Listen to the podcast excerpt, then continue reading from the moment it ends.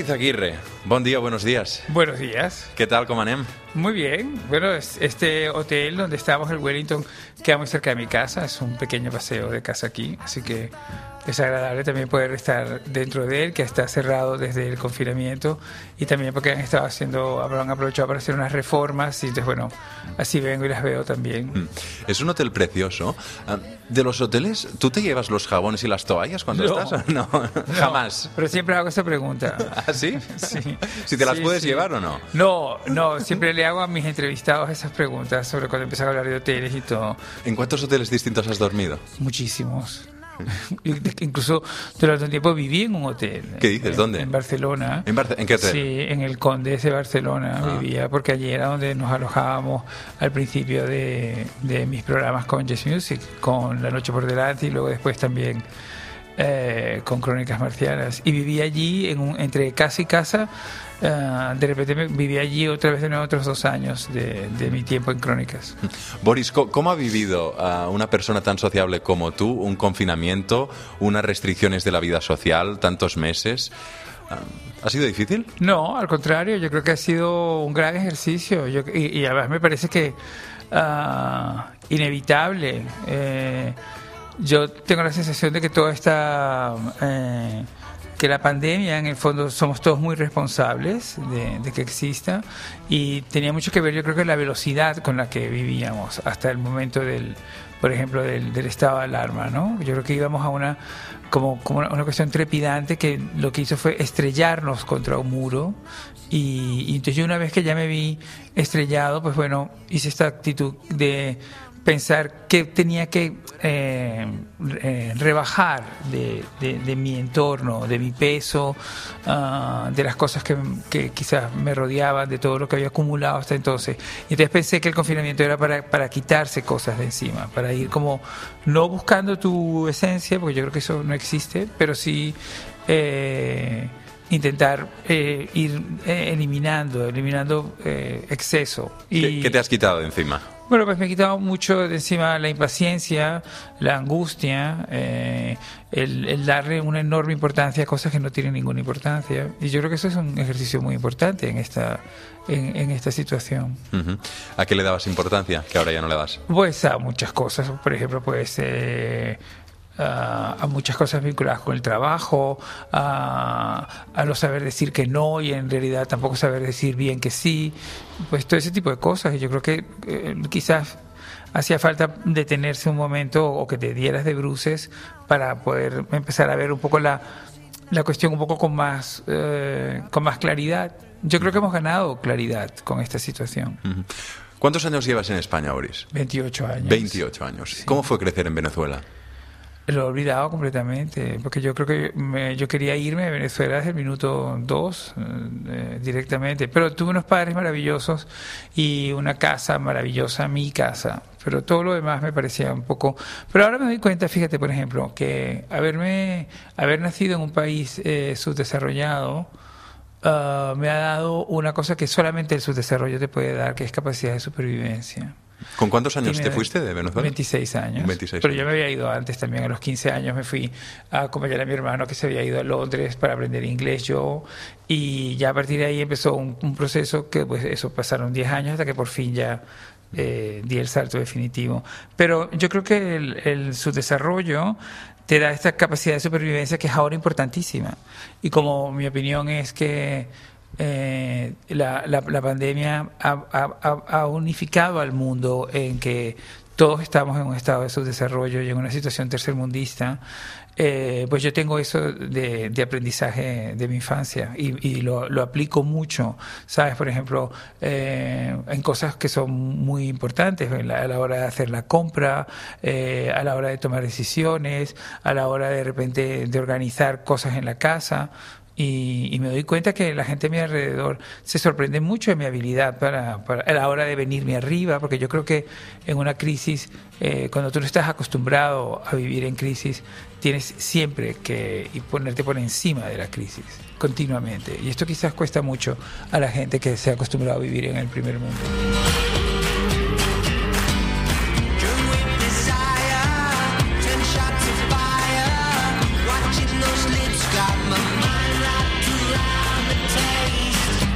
Creo que tu padre era crítico de cine, eh, tu madre bailarina. Es crítico de cine. Es crítico de, y tu, tu madre bailarina. Sí. De alguna manera era inevitable que acabaras en el mundo del espectáculo, ¿no? Eh, O de la cultura. Bueno, sobre todo porque a mí me encantaba el mundo de mis padres. Yo lo miraba con una enorme fascinación y sigo mirándolo con una enorme fascinación. Y entonces, bueno, pues mi casa era realmente un, un lugar donde se reunía, pues mm, los amigos de mis padres, todos eran como mis padres, eran o eran escritores, o eran pintores, o eran músicos. eh, y entonces todo estaba en mi casa, así que yo no, yo no tenía realmente que moverme de mi casa para, para encontrar lo que, lo que me gustaba en la vida. Eso ha sido una suerte, yo encuentro que es un privilegio. Pero también mis hermanos eh, lo entendieron, pero yo creo que no lo entendieron tan rápido como yo. Sabes que es un poco mi punto de vista. Yo creo que uno... ah, eh, no, no todos los hijos entienden a sus padres.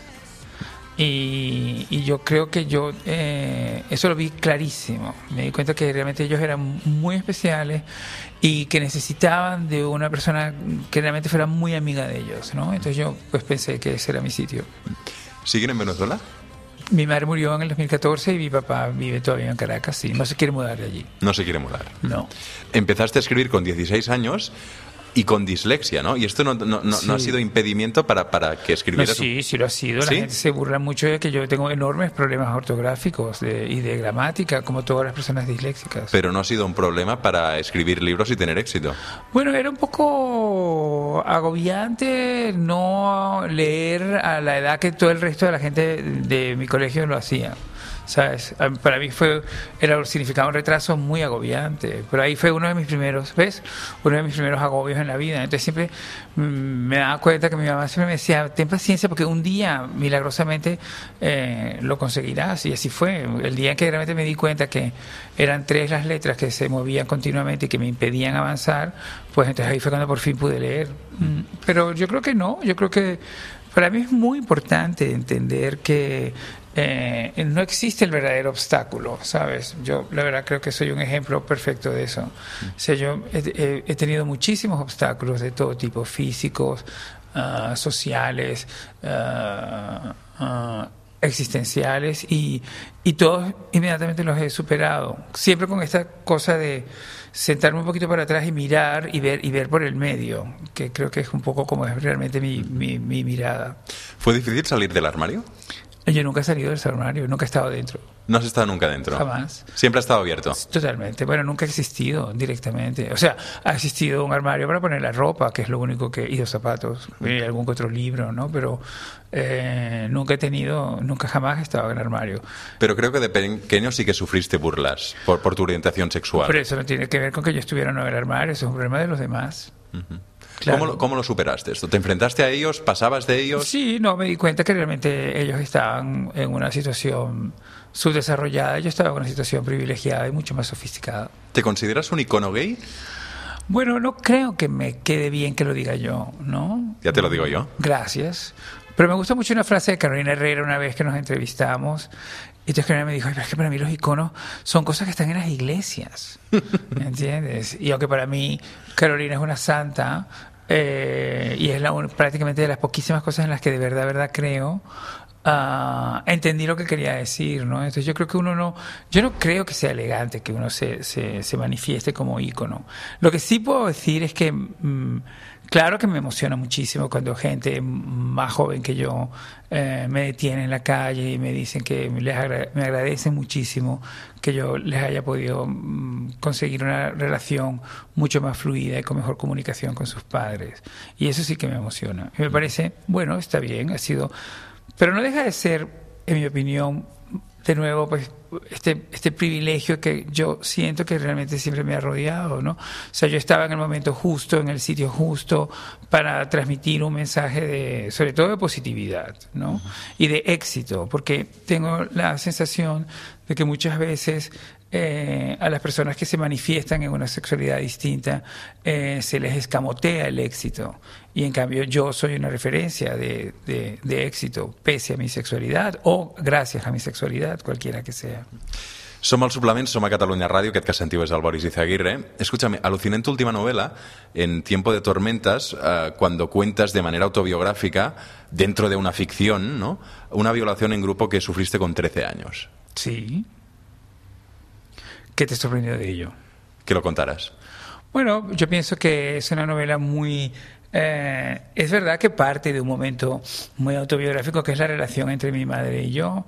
Y la verdad que ese momento, la, la, la fórmula, la sapiencia con la que mi mamá enfrentó todo ese momento siempre ha sido para nosotros dos algo muy importante. No ha sido lo más importante, pero sí que fue un momento en el que los dos reconocemos que, que, quizás sin, sin, su ayuda hubiera sido más difícil superarlo, ¿no? Y por eso pensé que era, era lógico contarlo como había sido exactamente y tal cual como había sido.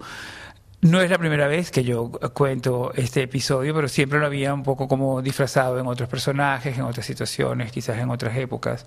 Pero esta vez es tal cual como es. Lo que pasa es que eh, mi asombro viene en que ocupa, creo que 14 líneas de la novela. Y no entiendo por qué realmente ha sido siempre lo que más tengo que comentar sobre ella. Tu madre fue una persona muy importante, lo cuentas siempre, ¿no? Y, para mí. Para ti. Sí, bueno, y hombre, y también para la gente que la conoció, eso es verdad. Sí, sí, sí. Era una mujer con un enorme... Uh, bueno, era una persona muy disciplinada. Que eso, muchas de las otras mujeres que yo he admirado mucho a lo largo de la vida, me doy cuenta que comparten esa misma situación, la, esa, esa capacidad de disciplina máxima. ¿Tú te ves siendo padre algún día? Yo creo que se me ha pasado un poco el tiempo. Sí, aunque estoy a punto de cumplir la edad en que uno de mis mejores amigos se hizo padre. ¿Cuántos años? ¿Te puedo preguntar la edad? Sí, 55. Entonces... Yo creo que sí, ya se nos ha pasado los dos. Pero bueno, en un momento determinado sí que lo llegamos a pensar mucho, sobre todo Rubén, ¿no? Que realmente yo pienso que se veía un poco como más preparado para esto, ¿no? Rubén es, tu marido.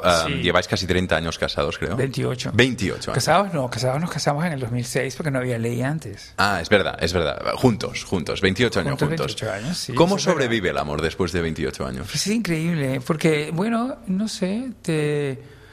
yo creo que un poco te dejas llevar, ¿no? Mm, yo me siento muy, me siento muy inmune cada vez más a a volverse a sentir atracción por alguien que no sea Rubén, fíjate.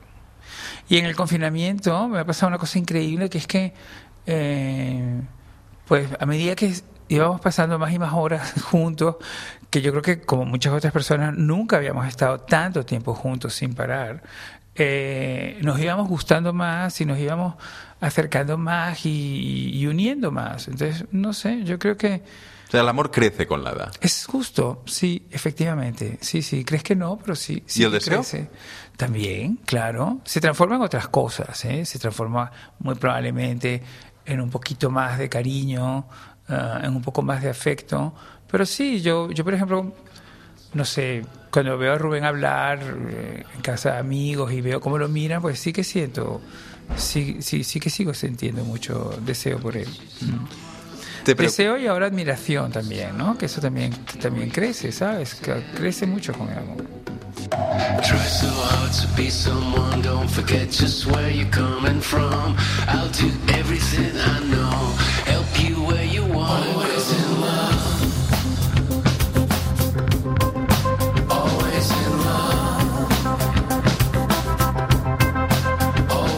preocupa paso del tiempo? ¿Te preocupa cumplir 55 años? No, al contrario, me encanta, me encanta, porque realmente me veo mejor. Me veo acompañado de, no sé, como de... Es verdad que me veo acompañado de logros, esto no voy a decir que, no es importante, es muy importante, pero también me veo como acompañado como de una cosa diferente que, que, que, no tuve en mi juventud, ¿sabes? Ah, yo, claro, como yo era un disléxico niño precoz, que es una combinación infernal y que no se la deseo a nadie, ¿eh? porque la precocidad va por un lado y la dislexia va retrocediéndose siempre. Em, yo, por supuesto, que, quería todo lo antes posible. Yo jamás me hubiera imaginado, por ejemplo, haciendo una entrevista como esta a, punto de cumplir 55 años, pensaría que ya estaría muerto. Y, sin embargo, eh, me, di cuenta una vez superado esa esa edad que yo me ponía como límite, ¿no? Yo, siempre, mi primera novela, El vuelo de los avestruces, es sobre una persona que quiere tener éxito antes de los 30 años, porque considera que es algo importantísimo. Y, y, y- y yo, por ejemplo, conseguí el éxito, de verdad, verdad, el éxito, así, éxito, eh, a los 33.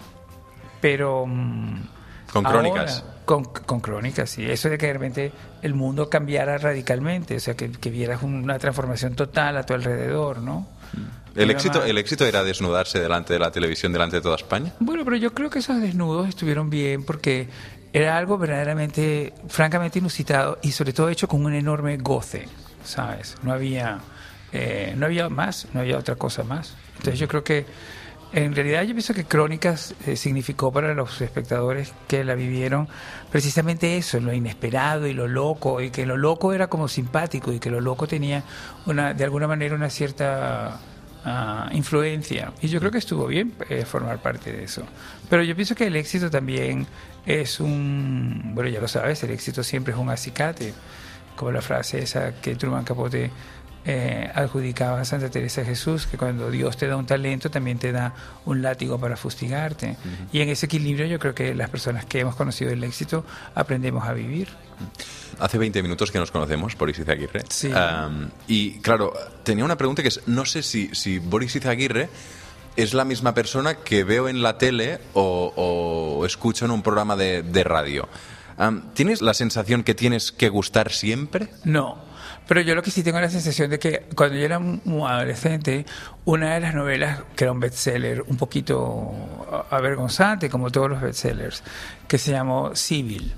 Eh, lo escribió una señora, yo luego la conocí en mi colegio de Pensilvania, vivía muy cerca y venía a dar charlas en mi colegio. Y es una, una, una mujer que tenía 16 personalidades. Y entonces, claro, el libro estaba un poco escrito para manifestar que realmente esto es una posibilidad en la humanidad, pero eh, en el fondo a mí lo que me encantaba era la posibilidad de las 16 personalidades. ¿sabes? Entonces yo creo que, yo a mí me parece que yo siempre puedo parecer una persona que me adapto muy bien. De hecho, cuando me dieron el premio Joan Ramón Mainat, eh, este año lo primero que dijeron es por su capacidad de adaptación a todo tipo de medios y, y de, y de programas y el apoyo como, como parte de equipo. Pero yo más que capacidad de adaptación, yo lo que creo es que yo estoy todavía en la búsqueda de, de explorar eh, 16 personalidades y me parecen pocas. ¿Sabes? Me gustaría tener otras 16 más. Dum dum da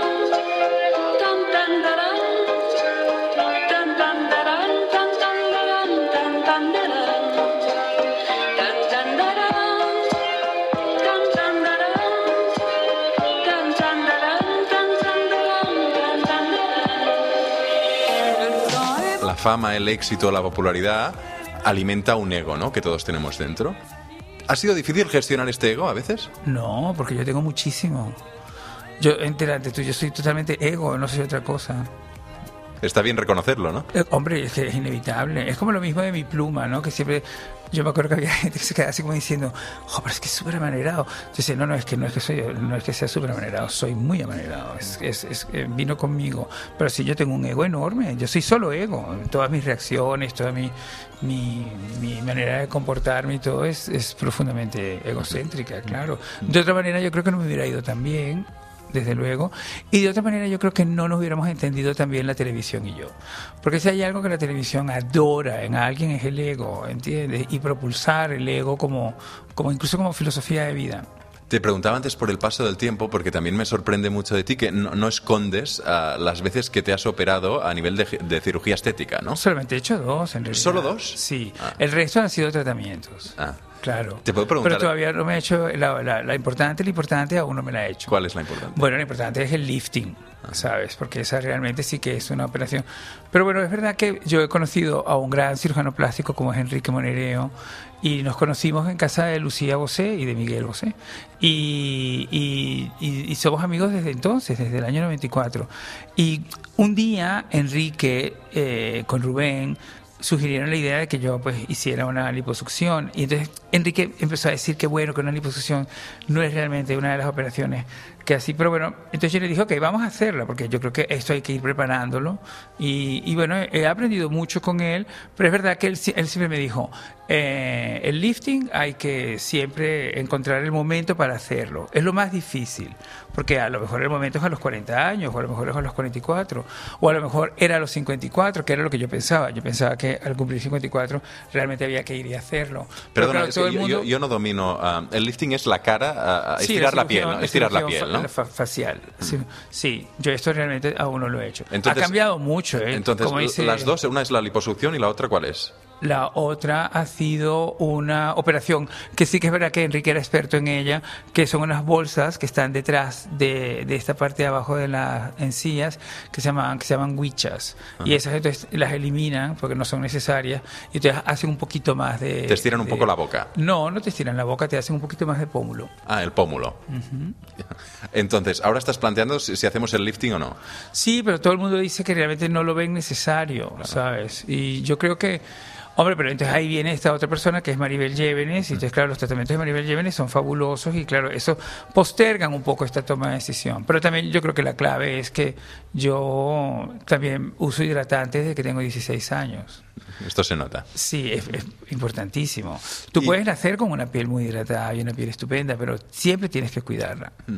Entonces, operarse am, estéticamente, ¿no crees que es ir en contra del paso de la edad? ¿No aceptar la edad? ¿No aceptar el paso del tiempo? No, es aceptar precisamente el paso del tiempo. Y entonces eh, te operas para tener la cara que te va a acompañar en la siguiente década. En realidad, ¿sabes? No, yo lo veo de esta forma. Estoy completamente de acuerdo en que otras personas no lo vean así, pero no, no soy tan antagonista. ¿Y es adictivo?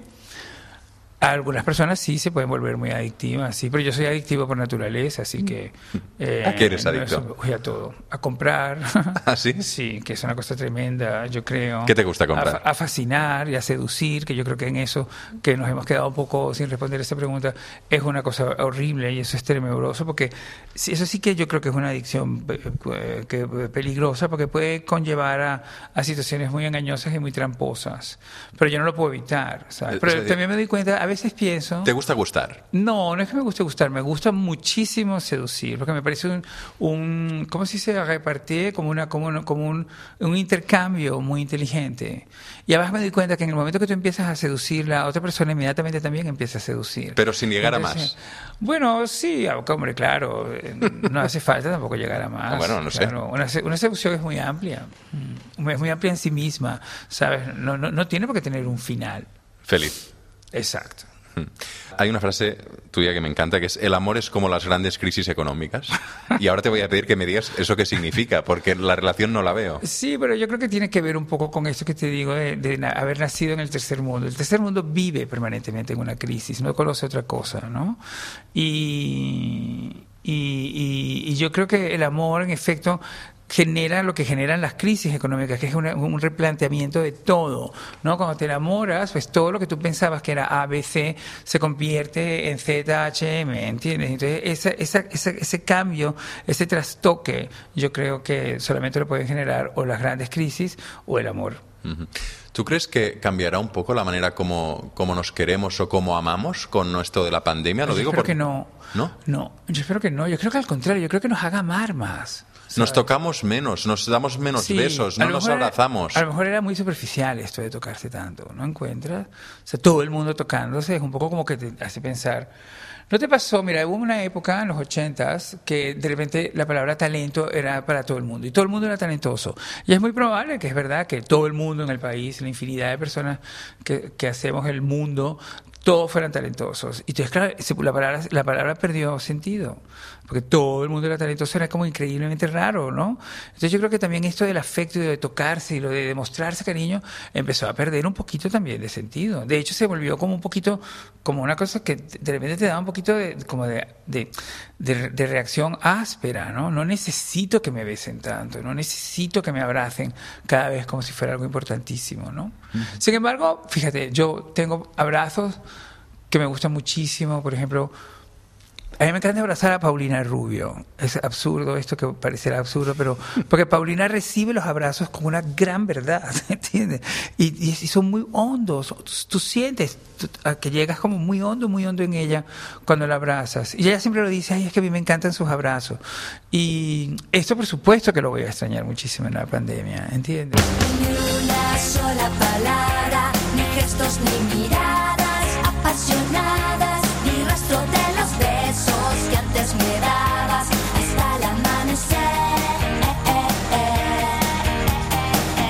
Mauricio Aguirre, un placer. Igualmente, Me ha muchas gracias. Mucha suerte, hasta pronto. Y a ti también. Avisa cuando vengas a Barcelona. Hombre, claro, y saldremos a cenar. ¿Cuál es tu restaurante favorito en Barcelona? Pues eh, mira, ¿Tienes me gusta. mucho? Sí, tengo mucho. Uno que se llama Gresca. Ah, sí. En la calle Provenza, te lo recomiendo muchísimo. ¿Y te gusta la calle Provenza? Sí.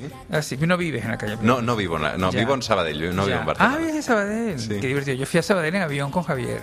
Porque había un. un eh, ¿Cómo se llama esto? Un- una cosa de, de aviones. un- Sí, que- a- que- a- hay como un aeropuerto pequeñito un, un aeropuerto Sabadell, sí. pequeñito donde se hacían los cursos y cuando Javier estaba estudiando para tener la licenciatura de piloto, pues de repente nos invitaba a algunos de sus compañeros de, de crónicas a volar con él. Mucha gente no iba, pero yo sí. Y, Y, y y- Sardá hacía sus prácticas en, en- en- el aeropuerto de Sí, Sabadell. hace mucho tiempo. Esto fue en el año 98, 99, sabía cuando, nos, cuando nos empezamos a conocer. O sí, sea, sí. el, el piloto aviones. El piloto de aviones. Y sí me acuerdo una cosa fantástica que Javier decía. eh, lo único que me fastidia de esto es que tenemos que apagar la radio. Entonces yo le decía, claro, porque pensaba que lo decía un poco por su vinculación tan enorme a la radio. Pero Javier, porque Javier decía, no, no, porque tú imagínate que de repente estamos volando y viajamos y eh, al aterrizar nos dicen que ha abdicado el rey. Y entonces me encantaba. Entonces cuando, cuando abdicó el rey, ¿Ah? cuando abdicó el rey Juan Carlos, Javier estaba en un avión viajando a Miami. Y yo ya estaba, yo había llegado como un día antes o así. Y Javier, curiosamente, coincidió. Y de repente, Tony Cruz, que siempre nos ha vinculado, nos dijo, oye, que eh, vente a cenar porque Javier llega esta tarde y hacemos una cena en casa. Y entonces de repente, ¡paf! estalla la noticia. Y entonces cuando Javier entra, yo le dije, abdicado el rey. Y Javier decía, ¿cómo te acuerdas? Yo le dije, abdicado el rey, es verdad, esta vez sí que es verdad. Nos reímos mucho. Boris Izaguirre, un placer. Un placer para ti también. El suplement. Notícies, entreteniment i hi-hi, ha-ha. Amb Roger Escapa.